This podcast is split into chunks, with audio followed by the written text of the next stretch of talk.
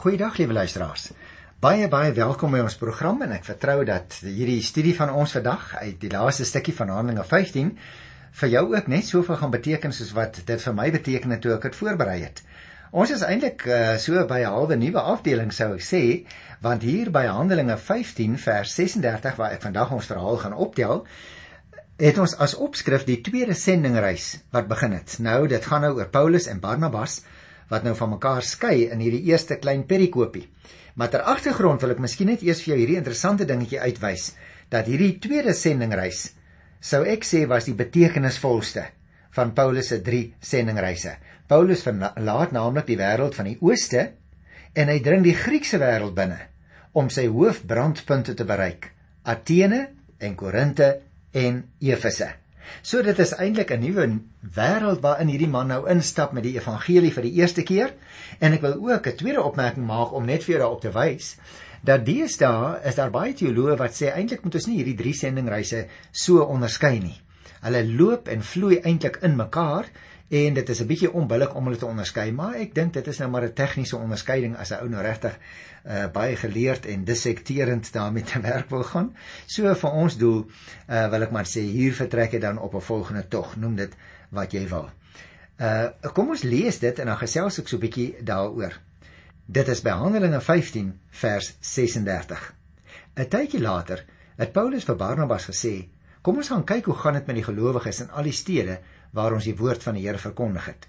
Barnabas wou vir Johannes, wat ook Markus genoem word, met hulle saamneem. Maar Paulus het gedink, dis nie reg om die man saam te neem wat hulle in Pamfilië verlaat het en nie end uit die werk saam met hulle gedoen het nie. Hieroor het hulle so skerp verskil dat hulle van mekaar geskei het. Barnabas het toe vir Markus geneem en met 'n skip na Siprus toe vertrek. Paulus het vir Silas gekies en vertrek nadat hulle deur die gelowiges aan die genade van die Here toevertrou is. Hy het deur Sirië en Cilicië gereis en die gemeentes geestelik versterk. Nou, liewe luisteraars, is 'n uh, baie interessante verwikkeling wat ons hier het, nê, want waar daar van tevore nou 'n paar manne was wat 'n sendingreis onderneem het, skei twee van die leiers en kom daar nou eintlik twee groepe wat verskillende uh, paaie gaan volg. Paulus en Barnabas naamlik het ons gelees het 'n ewige meningsverskil oor Johannes Markus gehad. Paulus wou hom nie saamneem nie omdat hy nie die vorige keer end uit by hulle gebly het nie. Jy sal nog onthou daar by Handelinge 13 vers 13 en verder het ons dit behandel. Nou hierdie meningsverskil het uiteindelik daartoe gelei dat die twee groot predikers twee sendingreise aangepak het, elkeen op sy eie in plaas van een reis. Dis baie interessant dat ons dit kan raak sien want jy weet liewe luisteraar, God maak selfs van meningsverskille en argumente gebruik in sy groot werk. So baie meer mense kon te gelyk bereik bereik word want hier is nou twee groepe mense wat twee verskillende rigtings beweeg. Markus het natuurlik later 'n baie belangrike rol in Paulus se bediening gespeel. Uh byvoorbeeld in Kolossense 4 vers 10 verwys hy daarna. Ons moet onthou Christene stem nie altyd oor alles saam nie. Maar ons kan natuurlik probleme oplos deur toe te gee dat daar meningsverskille is sodat God met sy werk kan voortgaan. Ek dink ons styl liewer sou gewees het in ons tyd, liewe luisteraar, om te sê kom ons erken en kom ons kom ooreen om te verskil en dan bly ons goeie vriende. Nietemin Silas het Paulus op hierdie tweede sendingreis van hom vergesel. Hulle het so wat 3 jaar na die einde van die eerste reis vertrek baie van die stede wat Paulus die eerste keer besoek het, weer gaan besoek en ook nog by ander plekke aangedoen. Nou op hierdie sendingreis, liewe luisteraar, is die aanvoerwerk vir die totstandkoming van die Christelike kerk in Griekeland gedoen. Silas was natuurlik betrokke by die vergadering in Jerusalem, jy sal dit onthou. Hy was een van die twee mans wat deur die kerk aangewys is om met die brief wat hulle die besluit in aangeteken het, daarmee te gaan na Antiochië jy sal dit nog kry. Ons het dit 'n vorige keer behandel in Handelinge 15 daar by die groot kerkvergadering by die 22ste vers. Nou Paulus uit die kerk van Antiochië sal jy onthou, het besluit dat Silas uit die kerk van Jerusalem saam met hom moes gaan om die goeie nuus te gaan uitdra. Die feit dat hulle twee saam gereis het, uh, lyk vir my kan ons sê is ook 'n bewys van die eenheid en die eensgesindheid wat daar na die besluit van die vergadering in Jerusalem in die kerk se geleerdere was. Met ander woorde, hier is nou iemand uit Jerusalem en iemand uit Antiochië wat met mekaar verder gaan saamreis. Ek wil ook daarop wys net voordat ek afstap van hierdie gedeelte, uh liewe luisteraars, is dat Paulus gaan versterk die gemeentes en word daarna teen hulle verwagting in deur die gees van die Here gelei om in hierdie eerste deel van die tweede sendingreis Klein-Asië te deurkruis tot by Troas waar God direk ingryp. Ons gaan by daardie gedeelte nou nog kom. Nou hierdie grootse sendingreis begin met 'n beskeie plan, naamlik om opvolgwerk te doen. Vir Paulus, moet jy oplet, was opvolg baie belangrik. Barnabas wil nou weer sy neef Markus saamneem En daarom meen Paulus dat die werk te belangrik is vir iemand wat sy hand aan die ploeg geslaan het en omgekyk het.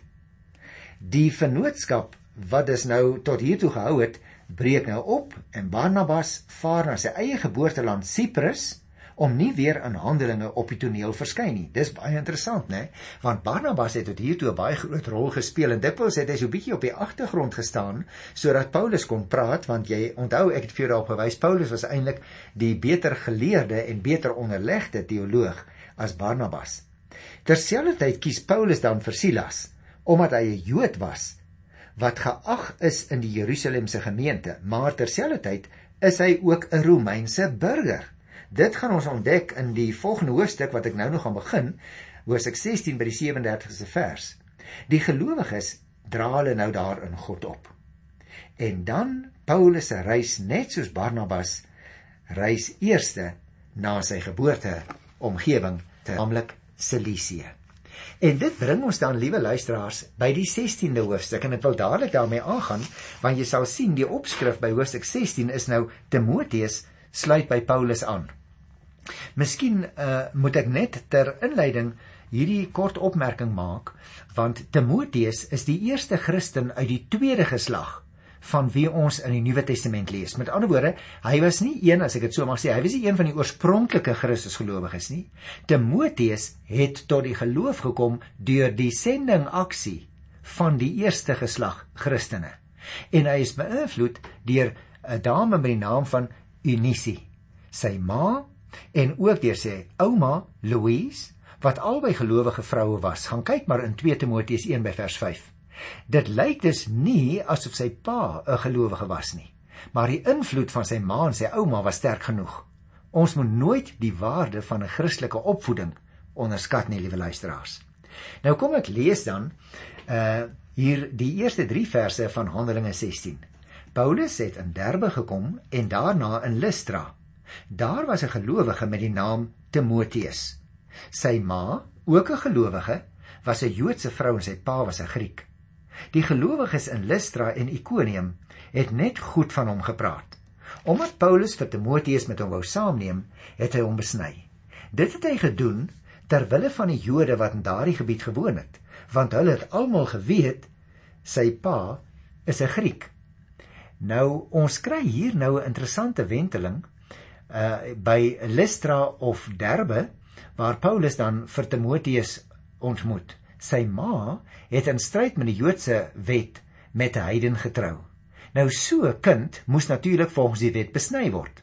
Timoteus se ouers het dit natuurlik nou nagelaat. En as Paulus hom net so saamgeneem het, sou die Jode kon sê Paulus word bygestaan deur 'n wetsverbreker. Dit sou dus die voortgang van die evangelie kon benadeel. En daarom laat Paulus vir Timoteus besny. Timoteus het 'n goeie naam gehad, lees ons onder die gelowiges van die omgewing en moet dus as kerklik aktief beskou word in daardie tyd, nie waar nie? Dis ook baie inter interessant dat ons net nie te vinnig by hierdie punt moet verbygaan nie, want jy sien Timoteus en sy ma Ines was van Lystra afkomstig. Nou is dit heel moontlik dat Ines vir Paulus gehoor preek het toe hy tydens sy eerste sendingreis daar was. Ons het daarvan gelees in die 14de hoofstuk by vers 5 en by vers 6. Timoteus se ma leer ons nou hier was 'n Jodin en sy pa was 'n Griek. Hy was dus nie volgens die Jode 'n egte Jood nie. En daarom het Timoteus in dieselfde kategorie geval as die Samaritane daar in uh, Palestina. Paulus het hom dus gevra om hom te laat besny sodat die Joodse gelowiges nie bevooroordeel teenoor hom sou wees nie. Volgens die besluit van die vergadering in Jerusalem in Handelinge 15 moet jy nou onthou, was dit nie vir hom noodsaaklik om besny te word nie. Maar hy het daartoe ingestem sodat daar geen struikelblokke sou wees wat sy getuienis vir Christus kon belemmer nie. Is dit nie geweldig nie dat hulle bereid was om ter wille van die evangelie selfs so 'n pynlike proses deur te gaan. Dis soms ook vir ons nodig, liewe luisteraars, om meer as die noodsaaklike dinge te doen om te verseker dat ander mense na ons sal luister.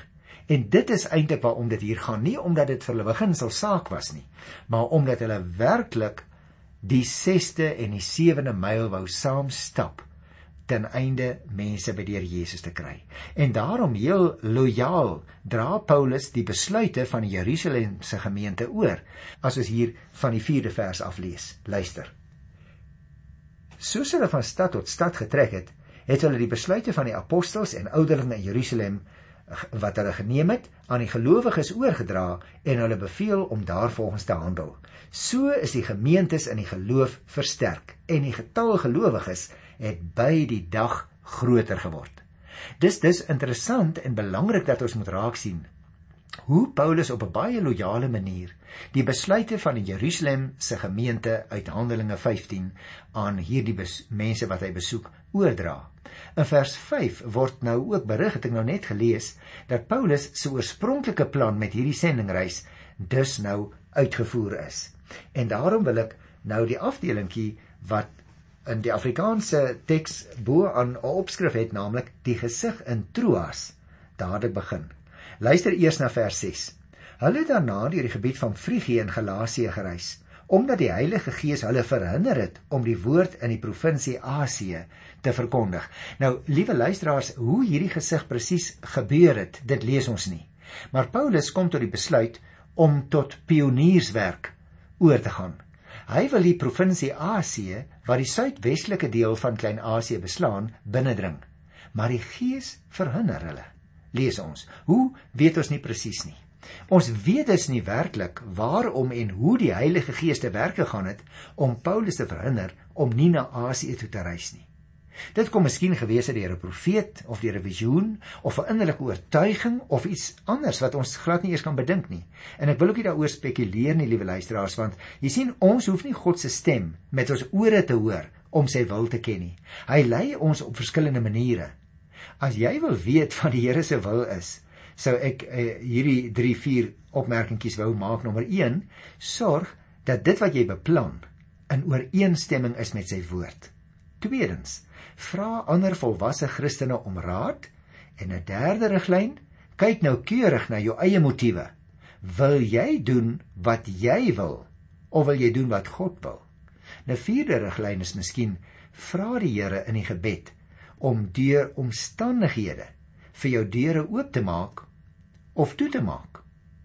Nou goed, kom ons lees verder hier by vers 7 tot by vers 9.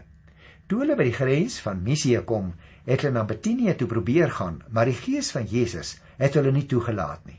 Hulle het toe deur Misië gereis en na Troas toe gegaan en daar het Paulus in die nag in 'n gesig 'n Macedoniese man gesien wat by hom staan en hom smeek: "Kom oor na Macedonië toe en help ons." Jy sien, liewe luisteraar, hierdie manne se logiese afleiding was dat hulle noordwaarts moet gaan na Betanië toe met sy groot stede in daardie omgewing. Interessant, ons lees hier die gees van Jesus, met ander woorde die Here van die werk. Keer hulle egter weer sodat die enigste oorblywende moontlikheid was om deur Misië see toe te gaan en na die hawe stad Troas toe waar daar toe blykbaar 'n gemeente tot stand gekom het. Na die twee negatiewe aanduidings gee die Here nou 'n positiewe teken. In 'n droomgesig word Paulus na Macedonië te geroep. En omdat hy oortuig is dat God hierdie droom aan hom gegee het, gaan hy met die eerste skip wat vertrek saam in daardie rigting. Interessant ook, liewe luisteraar, die Gees het Paulus twee keer na mekaar verhinder om die evangelie op sekere plekke te gaan verkondig. Dit het hom seker laat wonder waar hy tog moet gaan optree en gaan preek.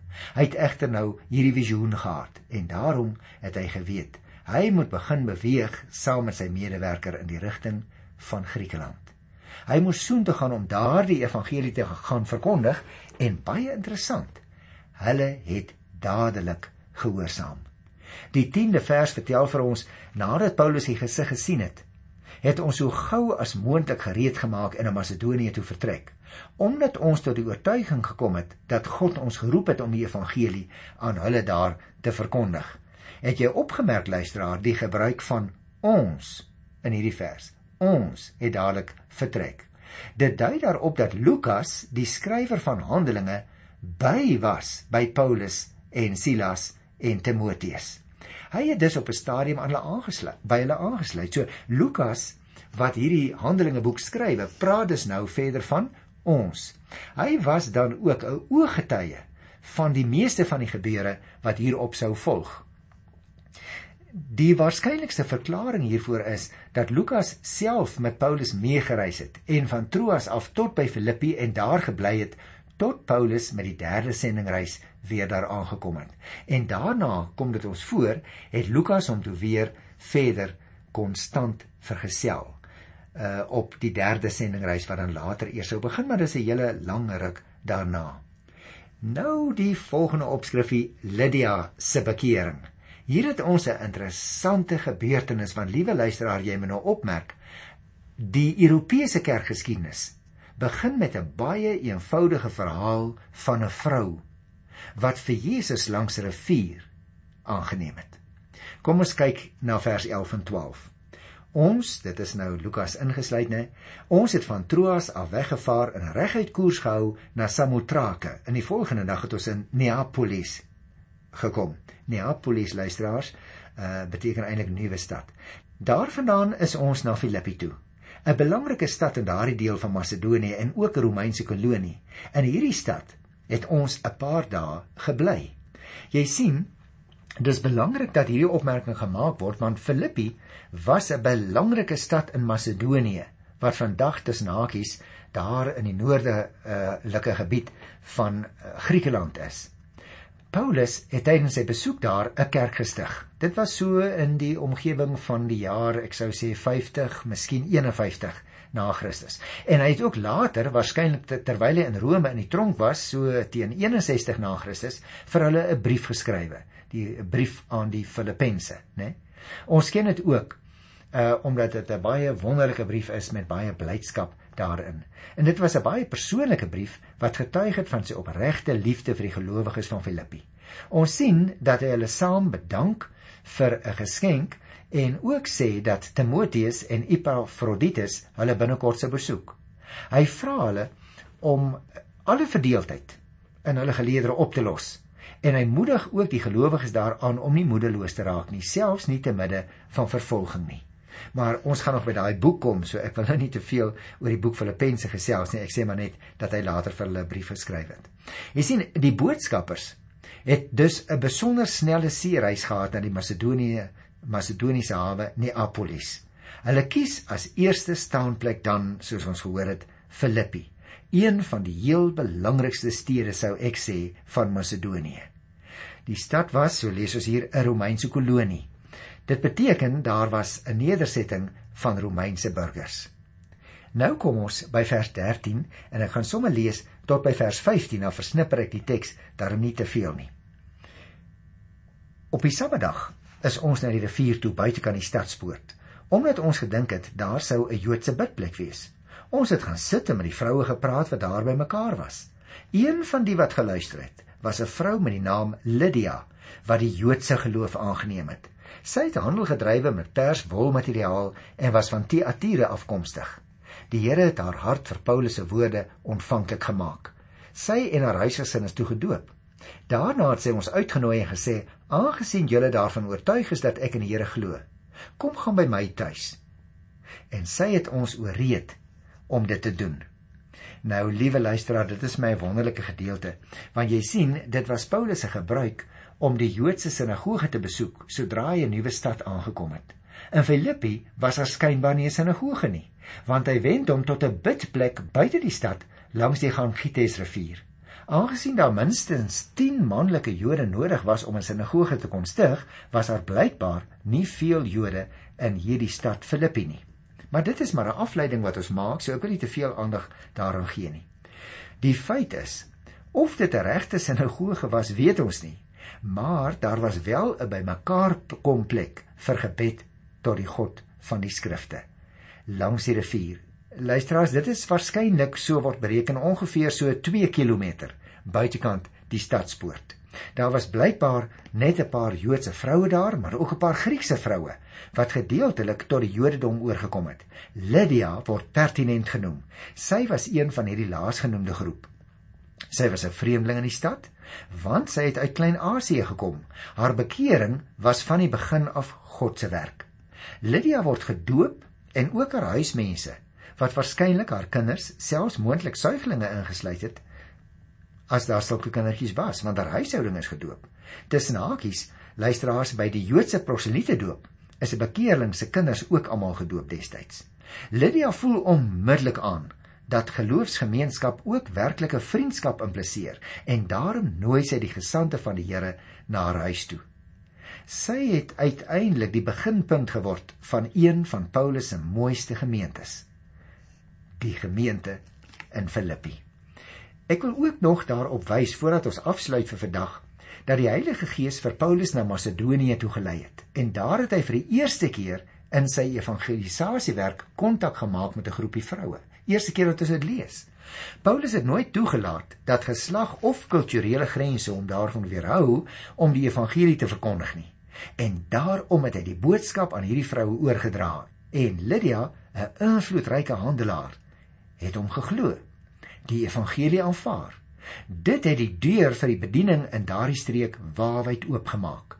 Sy was naamlik 'n vrou en ook die eerste mens in Europa om die evangelie wat Paulus verkondig het te aanvaar.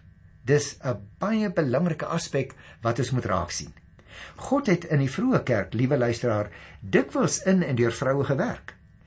Daarom moet jy en ek ook versigtig wees dat ons nie enige groep verhinder om die evangelie boodskap te hoor nie of vrouens uit te skakel by die bediening van die kerk nie.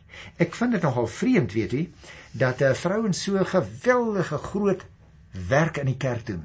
Ek het al dikwels gesê as ons hier vroue korps uit die kerk wegneem, dan vou die meeste gemeentes. En tog om een of ander rede wil ons hulle dikwels nie in ampte aanstel nie en verkies nie en dit lyk my nie heeltemal korrek nie. Lukas vertel tussen hakies vir ons van drie mense wat danksy Paulus se werk in Filippi die evangelie gehoor het. Hulle was dan Lydia, die invloedryke sakevrou hier in Handelinge 16 vers 14, dan was daar ook nog die slavin wat in die mag van die waarseers gees was. Ons gaan volgende keer daaroor praat by vers 18 en dan was daar natuurlik die tronkbewaarder ook in Hoofstuk 16 by vers 29. Die evangelie, liewe luisteraars, het elke vlak van daardie samelewing bereik, net soos dit vandag nog die geval behoort te wees. En daarom Lydia het pers wolmateriaal verkoop. Dis 'n interessante opmerking wat die Bybel hier maak. Dit was natuurlik 'n baie duur stof wat gewoonlik deur koninklikes en ander mense van hoë afkoms gedra is en ons lei daarvan af dat sy heel waarskynlik 'n baie welgestelde vrou was. Ek wil miskien ten slotte net vir jou ietsie vertel van hierdie perskleurstof. Dit word net op sekere plekke in die Middellandse See gevind. Dit is 'n kleinerige skulpies wat in stukke gekap word met 'n klip of 'n ander harde voorwerp en dan word net die kern uitgehaal. En as daardie blou kerns van hierdie spesifieke soort uh, seeslakkies wat in skulpe woon. As daardie blou kern dan fyn gemaal word, dan kry jy 'n pragtige natuurlike blou kleur. En dit is skynbaar waarmee hierdie vrou handel gedryf het. Dit was 'n groot werk gewees het hoor, want jy moet 'n geweldige klomp van daardie klein uh slakke se skulpies stukkend kap voordat jy genoeg kleurstof kry om 'n klomp materiaal te kleur. Maar miskien moet ek dan sê liewe luisteraars, kom ons hou vandag op op daardie kleurvolle noot en dan groet ek u in die wonderlike naam van ons Here Jesus Christus. Tot volgende keer. Tot dan. Totsiens.